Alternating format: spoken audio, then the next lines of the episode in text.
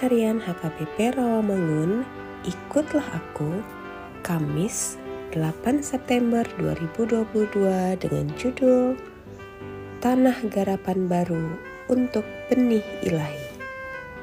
Bacaan kita pagi ini tertulis dalam Yakobus 5 ayat 13 sampai 18 dan bacaan kita malam ini tertulis dalam 1 Raja-Raja 18 ayat 1 sampai 10 dan kebenaran firman Tuhan yang menjadi ayat renungan kita pagi ini ialah Hosea 10 ayat 12 yang berbunyi Menaburlah bagimu sesuai dengan keadilan, menuailah menurut kasih setia.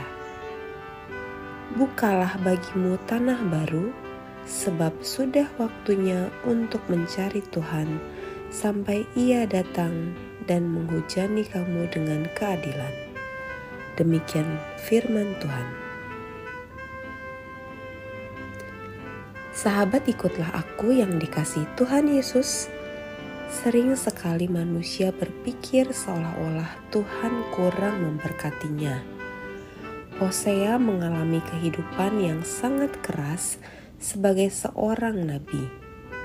Dia diperintahkan oleh Allah untuk menikahi perempuan sundal yang senang mengejar laki-laki lain meski sudah menikah. Namun kasih sayang Hosea tidak berkurang. Bahkan dia mencari bahkan menebus istrinya dari rumah persundalan. Tindakan Hosea ini adalah gambaran cinta kasih Allah kepada Israel. Israel yang bagaikan istri yang tidak setia sudah dikasihi dan diberkati, diberi kecukupan, namun masih mencari ilah-ilah lain untuk disembahnya.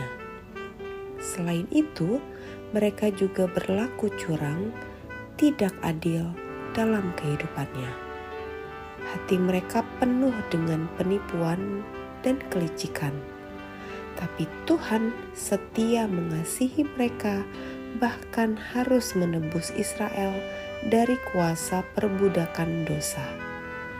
Allah memerintahkan Israel untuk membuka tanah garapan yang baru supaya dihujani berkat keadilan oleh Tuhan. Allah menginginkan pertobatan hati dari mereka supaya Allah semakin melimpahkan berkat-berkatnya sebagai bagian dari kasih yang sangat besar itu. Yesus juga pernah membuat perumpamaan mengenai benih yang ditabur di tanah beberapa jenis tanah. Di bebatuan, tanah pinggir jalan, bahkan tanah yang subur. Tanah yang suburlah menjadi tempat tumbuhnya benih ilahi itu, yakni cinta kasih dan keadilan. Seturut dengan itu, berkat pun melimpah lumbung berkat Allah sedang dipenuhi dengan benih ilahi yang memberkati. Adakah hati kita sudah kita garap untuk ditaburi Tuhan? Amin. Mari kita berdoa. Tuhan, bentuklah hatiku seturut dengan kasih-Mu. Amin.